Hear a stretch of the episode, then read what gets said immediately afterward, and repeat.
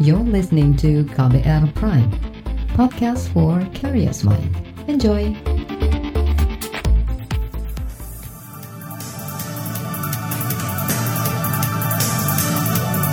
Selamat pagi saudara, kembali kami menjumpai Anda melalui program Buletin Pagi KBR Selasa 24 Maret 2020 bersama saya Don Brady.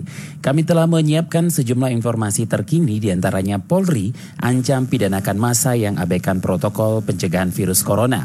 Sektor UMKM terpukul hebat akibat pandemi COVID-19. Anggota KPU anggap pemecatannya cacat hukum. Inilah selengkapnya Buletin Pagi terbaru di Buletin Pagi.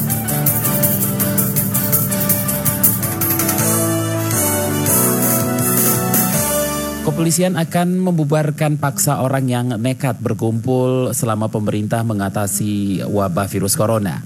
Pembubaran bakal dilakukan untuk mencegah penyebaran lebih luas.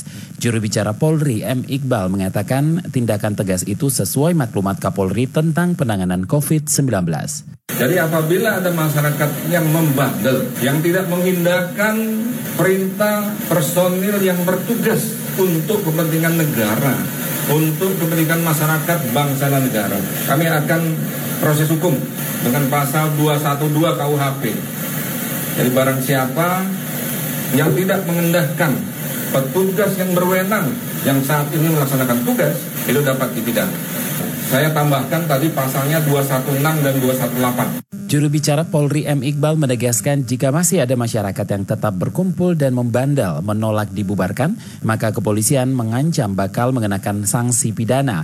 Perkumpulan massa yang bakal dibubarkan bisa berbentuk kegiatan sosial, kegiatan keagamaan, atau kegiatan lain. Saudara pemerintah DKI Jakarta juga bakal membubarkan semua kegiatan yang bersifat pengumpulan massa. Gubernur DKI Jakarta Anies Baswedan menegaskan pembubaran itu untuk mencegah penyebaran COVID-19 menyebar luas. Pemprov DKI telah berkoordinasi dengan Polda Metro Jaya dan Pangdam Jaya terkait kebijakan itu. Jadi akan dibubarkan dan mereka-mereka yang memaksa nanti akan diminta keterangan akan ada potensi sanksi karena ini risikonya terlalu besar. Jadi semua kegiatan-kegiatan yang sifatnya pengumpulan massa harus dihentikan. Itu tadi Gubernur DKI Jakarta Anies Baswedan. Sebelumnya Pemprov DKI Jakarta sudah menerapkan kebijakan jaga jarak antar orang di ibu kota. Kebijakan itu diimplementasikan dengan membatasi kapasitas angkutan massal, menyuruhkan pekerja kantoran bekerja dari rumah, hingga menutup tempat-tempat wisata dan hiburan. Angka pasien positif COVID-19 di Jakarta menjadi yang terbanyak dibandingkan provinsi lain, yaitu 400-an kasus sampai kemarin malam. Masih terkait wabah virus corona, Saudara Pengurus Besar Ikatan Dokter Indonesia berduka karena kembali kehilangan seorang tenaga medis, yaitu Guru Besar Fakultas Kesehatan Masyarakat Universitas Indonesia, Bambang Sutrisna. Bambang meninggal saat menangani pasien virus corona. Pengurus Besar ID mencatat hingga kini sudah ada tujuh dokter yang meninggal selama penanganan COVID-19. Tujuh dokter itu adalah Bambang Sutrisna, Hadio Ali, Joko Judo Yoko, Laurentius P. Adi Mirsa Putra, Ucok Martin, dan Doni Silitonga. Idi mengatakan gugurnya para dokter itu ada yang terinfeksi COVID-19, ada pula yang kelelahan dan terkena serangan jantung sesudah menangani pasien COVID-19. Kepala Negara Joko Widodo juga telah menyampaikan bela sungkawa atas meninggalnya para ahli medis itu. Kementerian Pendidikan dan Kebudayaan mengajak para mahasiswa bidang kesehatan menjadi relawan penanganan COVID-19. Juru bicara Kemendikbud Ade Erlangga mengatakan partisipasi mahasiswa merupakan bentuk pembelajaran dan pengabdian masyarakat. Sifatnya adalah sifat memberikan dukungan, ya, bukan dalam yang inti jadi dalam penanganan langsung ya karena penanganan langsung yang terkait dengan eh, masalah-masalah uh, kesehatan itu kan ada uh, tim tersendiri kan gitu ya terus tim yang sudah memang profesional. Ya tentu kan uh, semua harus diperhitungkan terhadap resiko-resiko yang ada kan resiko dari keterlibatan mahasiswa di dalam uh, pencegahan dan penanganan uh, COVID ini kan. Juru bicara Kementerian Pendidikan dan Kebudayaan Ade Erlangga menambahkan mahasiswa bidang kesehatan yang menjadi relawan COVID-19 juga berhak memperoleh insentif akademik. Sementara itu Menteri Pariwisata dan Ekonomi Kreatif Wisnu Tama bakal menjalin kerjasama dengan jaringan hotel sebagai upaya penanganan pasien COVID-19. Wisnu Tama menjelaskan jaringan hotel diharapkan bisa menyediakan fasilitas kamar untuk tempat tinggal sementara para tenaga medis dan personel gugus tugas COVID-19 sehingga mereka bisa tinggal lebih dekat dengan tempat tugasnya seperti rumah sakit dan fasilitas kesehatan lainnya. Pasien positif COVID-19 di Indonesia dalam sehari bertambah 65 kasus. Hingga malam tadi total pasien positif virus corona menjadi 579 orang. Juru bicara pemerintah untuk penanganan COVID-19 Ahmad Yuryanto menjelaskan penambahan pasien positif itu terdistribusi di sejumlah provinsi. Mulai tanggal 22 Maret pukul 12.00 sampai dengan tanggal 23 Maret pukul 12.00. Ada penambahan kasus baru sebanyak 65 orang yang terdistribusi di berbagai provinsi yang bisa kita lihat di tabel sehingga total kasus pada hari ini menjadi 579. Juru bicara pemerintah untuk penanganan COVID-19 Ahmad Yuryanto menambahkan pasien meninggal bertambah satu kasus menjadi 49 orang. Selain itu total pasien sembuh 30 orang. Sementara itu, Rumah Sakit Umum Pusat RSUP Persahabatan Jakarta sampai tadi malam merawat 44 pasien baru terkait COVID-19. Dari jumlah itu, 24 pasien dirawat di ruang isolasi instalasi gawat darurat. Di antara 24 pasien itu, 6 terinfeksi COVID-19 dan 18 pasien lainnya dalam pengawasan. Sektor UMKM terpukul hebat akibat pandemi COVID-19. Informasinya usai jeda tetaplah di Buletin Pagi KBR. You're listening to KBR Pride, podcast for curious mind. Enjoy!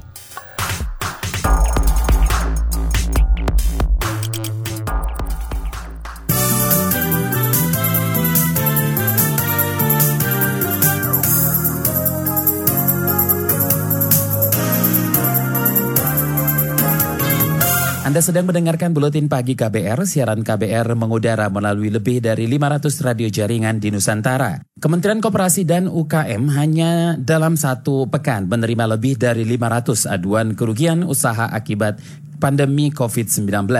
Juru bicara Kementerian Koperasi dan UKM Sahrul mengungkapkan jumlah rinci UMKM yang terdampak masih dalam pendataan lagi pendataan lewat call center. Jadi nanti pimpinan yang ini apa ambil kebijakan. Udah 500 lebih yang mengadu melewat call center sama WA center Pak Menteri Koperasi kan membuka tuh apa permasalahannya. Yang pertama ada yang penurunan penjualan, ya kan? Terus ada juga bahan baku, permintaan, ya kan, pendistribusian, susah eh, pendistribusian. Ada lima kalau nggak salah yang kita lihat dari setiap pengaduan-pengaduan itu. Juru bicara Kemenkop dan UKM Sahrul menambahkan pelaku usaha terimbas imbauan jaga jarak untuk mencegah penyebaran COVID-19. Sementara itu omset penjualan usaha mikro kecil menengah UMKM anjlok drastis akibat pandemi COVID-19. Ketua Asosiasi UMKM Indonesia Iksan Ingratubun mengatakan, bulan ini banyak UMKM yang bahkan tidak punya pemasukan sama sekali. Kebijakan pemerintah menerapkan bekerja dari rumah dinilai sangat merugikan pelaku usaha kecil. Ihsan berharap pemerintah membuat rancangan ekonomi yang pro UMKM. Oh tutup, bukan lagi penurunan berapa persen. Mulai dari Februari itu sudah tutup, sudah turun sekitar 30-35 persen. Mulai Februari. Nah, Maret apalagi di dua minggu terakhir ini Pak Anies, Pak Gubernur Anies, Pak siapa, Pak Ridwan Kamil di Jawa Barat dan seterusnya gubernur-gubernur yang lain, ya ini tutup, usaha tutup. Siapa lagi yang mau beli? Hanya orang mau beli bahan bahan makanan, bahan pokok di rumah misalnya. Nah, masak sendiri di rumah. Nah, terus sekarang UMKM bagian apa? Ketua Asosiasi UMKM Indonesia Iksan Ingratubun mengklaim sudah banyak pelaku UMKM yang terpaksa mem-PHK pekerjanya. Iksan khawatir angka pengangguran yang meningkat bisa memicu aksi kejahatan seiring belum tuntasnya penanganan COVID-19. Industri tekstil juga termasuk yang terpukul akibat pandemi COVID-19. Ketua Umum Asosiasi Pertekstilan Indonesia atau API, Jemi Kartiwa, bahkan menggambarkan industri tekstil nasional menjadi terpuruk hanya dalam tempo singkat.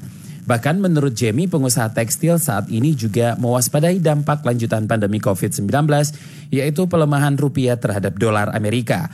Nilai kurs sangat krusial karena banyak bahan baku yang masih harus diimpor. TPT mulai terkoreksi positif dalam dua bulan terakhir atau sejak BMTP. Tren perbaikan tersebut berbalik drastis dalam 10 hari terakhir. Permintaan menurun dengan sangat tajam, bahkan sejumlah komitmen permintaan berjalan ditunda bahkan dibatalkan. Fenomena yang terjadi serentak dan dalam skala besar ini akan memberi dampak yang tidak mengembirakan terhadap utilisasi industri secara ekstrim dan secara simultan akan berdampak pada produktivitas dan siklus ekonomi TPT. Ketua Umum Asosiasi Pertekstilan Indonesia Jemi Kartiwa menambahkan daya serap produksi tekstil dalam negeri juga semakin anjlok ditandai dengan tutupnya pasar tekstil Tanah Abang di Blok A. Jemi berharap pemerintah memberi insentif seperti keringanan biaya listrik demi menghindari pengusaha tekstil semakin merugi dan mem-PHK karyawannya. Saudara untuk meminimalkan dampak ekonomi dari pandemi COVID-19, pemerintah disarankan memastikan transaksi dari kelas formal ke informal tetap berlangsung. Pengamat ekonomi Yanuar Rizky mengatakan tidak semua masyarakat bisa melakukan kerja dari rumah, misalnya pengojek daring.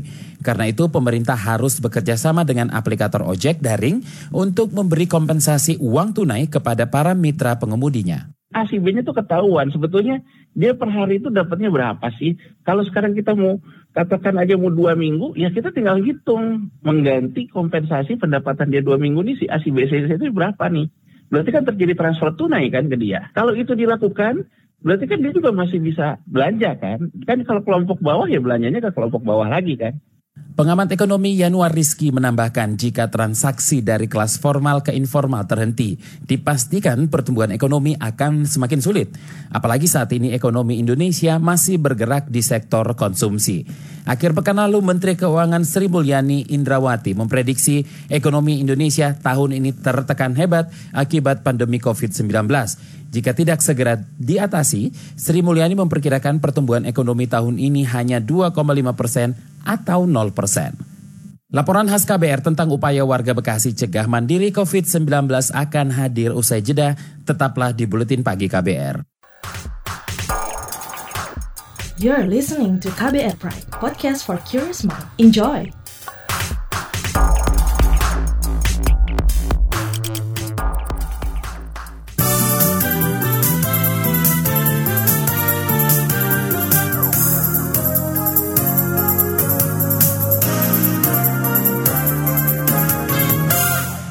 Anda masih mendengarkan buletin pagi, saatnya kita simak laporan khas KBR.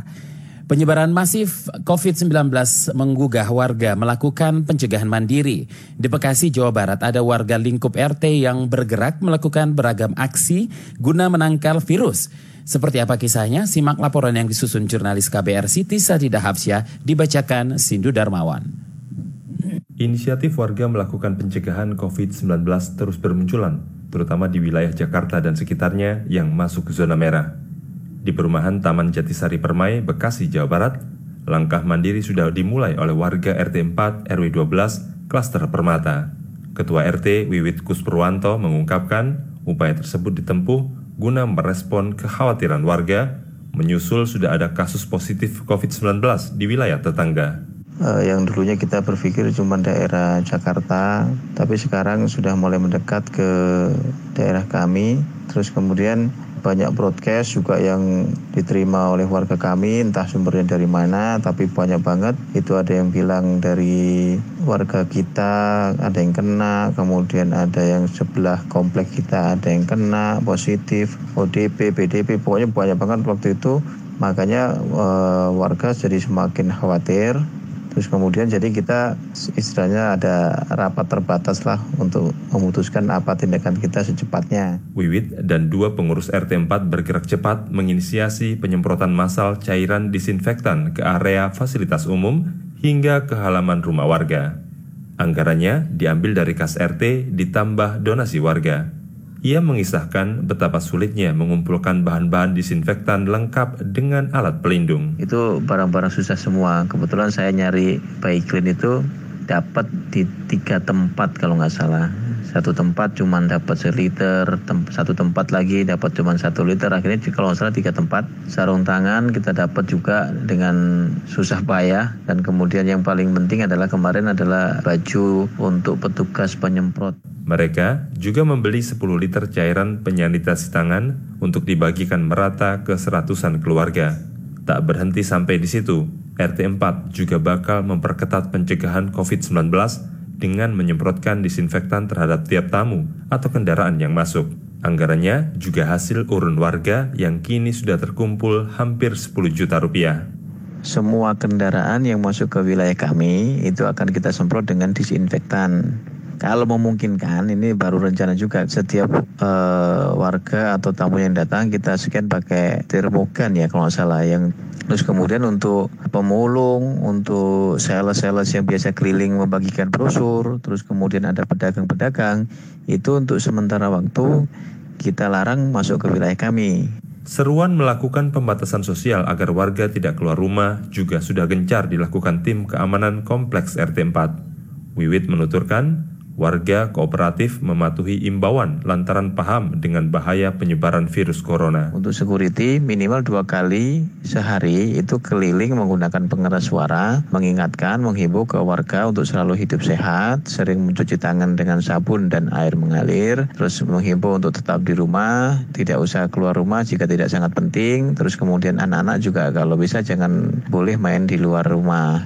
Alhamdulillah responnya semuanya baik. Memang semua juga sudah paham. Inisiatif warga semacam ini tentunya menjadi angin segar bagi upaya penanggulangan wabah baru seperti COVID-19. Apalagi pemerintah tampak kewalahan menahan laju penyebaran kasus yang sudah menjangkau lebih dari 20 provinsi. Pekan lalu, Ketua Gugus Tugas Percepatan Penanganan COVID-19 Doni Monardo juga menekankan pentingnya pelibatan masyarakat mulai dari level RT dan RW dalam memutus rantai penularan virus. Kita punya RT RW yang mungkin selama ini kurang diberdayakan. Kita punya kelurahan, kita punya desa yang mungkin juga belum dilibatkan. Lurah adalah struktur pemerintahan yang terendah di tingkat provinsi yang tentunya kita juga ingin para lurah ini menunjukkan kualitas kepemimpinannya Selain unit-unit kecil di perkotaan, pemerintah juga berusaha mengaktifkan peran desa untuk menangkal COVID-19. Kementerian Desa mengklaim telah menerbitkan aturan membolehkan dana desa dipakai untuk pencegahan hingga penanggulangan wabah corona. Dirjen Pembangunan dan Pemberdayaan Masyarakat Desa, Taufik Majid. Apa saja yang digunakan disesuaikan dengan tingkat eskalasi yang berada di desa. Artinya bahwa dana desa bisa dipakai untuk pencegahan dan sekaligus penanganan COVID-19 di desa. Demikian laporan yang disusun jurnalis KBR Siti Sadida Hafsya. Saya Sindu Darmawan. Informasi dari mancanegara dan daerah akan kami sajikan usai jeda tetaplah di Buletin Pagi KBR. You're listening to KBR Pride, podcast for curious mind. Enjoy!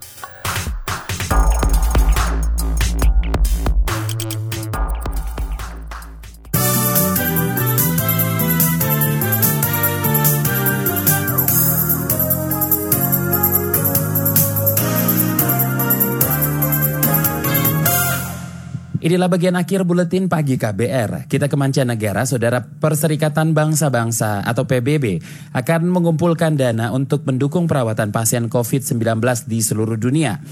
Hal itu disampaikan Menteri Luar Negeri Norwegia Ine Eriksen Soreide. Norwegia merupakan salah satu inisiator pengumpulan dana global itu. Ine Eriksen mengatakan dana dari multi donor itu akan dikoordinasikan oleh PBB. Tujuannya untuk membantu negara-negara berkembang yang sistem kesehatannya lemah dalam mengatasi penyebaran COVID-19. PBB akan mengumumkan secara resmi kebijakan itu pada akhir pekan ini. Hampir 340 ribu orang di seluruh dunia terinfeksi COVID-19. Lebih dari 14.500 orang meninggal. Kita ke Nusa Tenggara Barat, saudara pengelola wisata di Nusa Tenggara Barat berharap mendapat insentif ekonomi yang sama seperti yang diberikan Kementerian Keuangan kepada destinasi wisata Mandalika Lombok. Menurut anggota DPRD NTB bidang pariwisata Misbah Mulyadi, permintaan insentif ekonomi itu wajar-wajar saja karena sama seperti Mandalika Lombok, mereka juga sama-sama terdampak pandemi COVID-19. Jadi kita sudah ada pertemuan teman-teman pemilik hotel dengan gubernur. Sudah disampaikan sama teman-teman pemilik hotel bahwa Mandalika itu hanya sebagian kecil saja dari hotel-hotel yang ada di Lombok, kan gitu ya. Jadi beliau akan sangat respon terhadap itu dan beliau akan bersurat ke pemerintah daerah akan bersurat ke Menteri Keuangan. Beliau juga di samping itu akan menghubungi secara telepon ke beliau gitu ke Menteri Keuangan. Ini kan suatu apa meneduhkan hati kawan-kawan. Anggota DPRD NTB bidang pariwisata Misbah Mulyadi menambahkan sudah melakukan pertemuan bersama Gubernur NTB dan pelaku usaha pariwisata.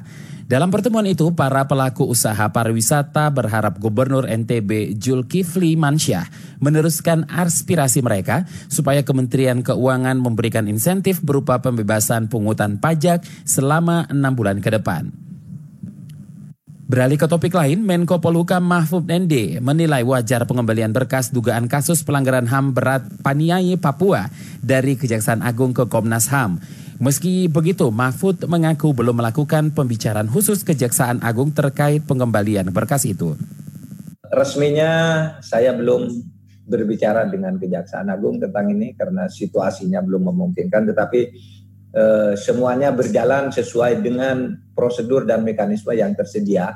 Saya kira Kejaksaan Agung eh, biar melakukan itu dulu nanti pada saatnya eh, tentu kita akan jelaskan kepada masyarakat tentang itu. Itu tadi Menko Polhukam Mahfud ND. Pekan lalu Kejaksaan Agung mengembalikan berkas perkara kasus Paniai Papua ke Komnas HAM. Berkas dinilai belum memenuhi kelengkapan atau syarat-syarat suatu peristiwa untuk dapat ditingkatkan ke tahap penyidikan. Berkas kasus Paniai itu sebelumnya diserahkan Komnas HAM ke Kejaksaan Agung pada Februari lalu. Komnas HAM menetapkan peristiwa yang terjadi di Paniai pada awal Desember 2014 lalu sebagai pelanggaran HAM berat. Saudara informasi tadi menutup jumpa kita di Buletin Pagi hari ini. Pantau juga informasi terbaru melalui kabar baru, website kami di kbr.id, Twitter kami at berita KBR, dan podcast di kbrprime.id. Akhirnya saya Don Brady undur diri, salam.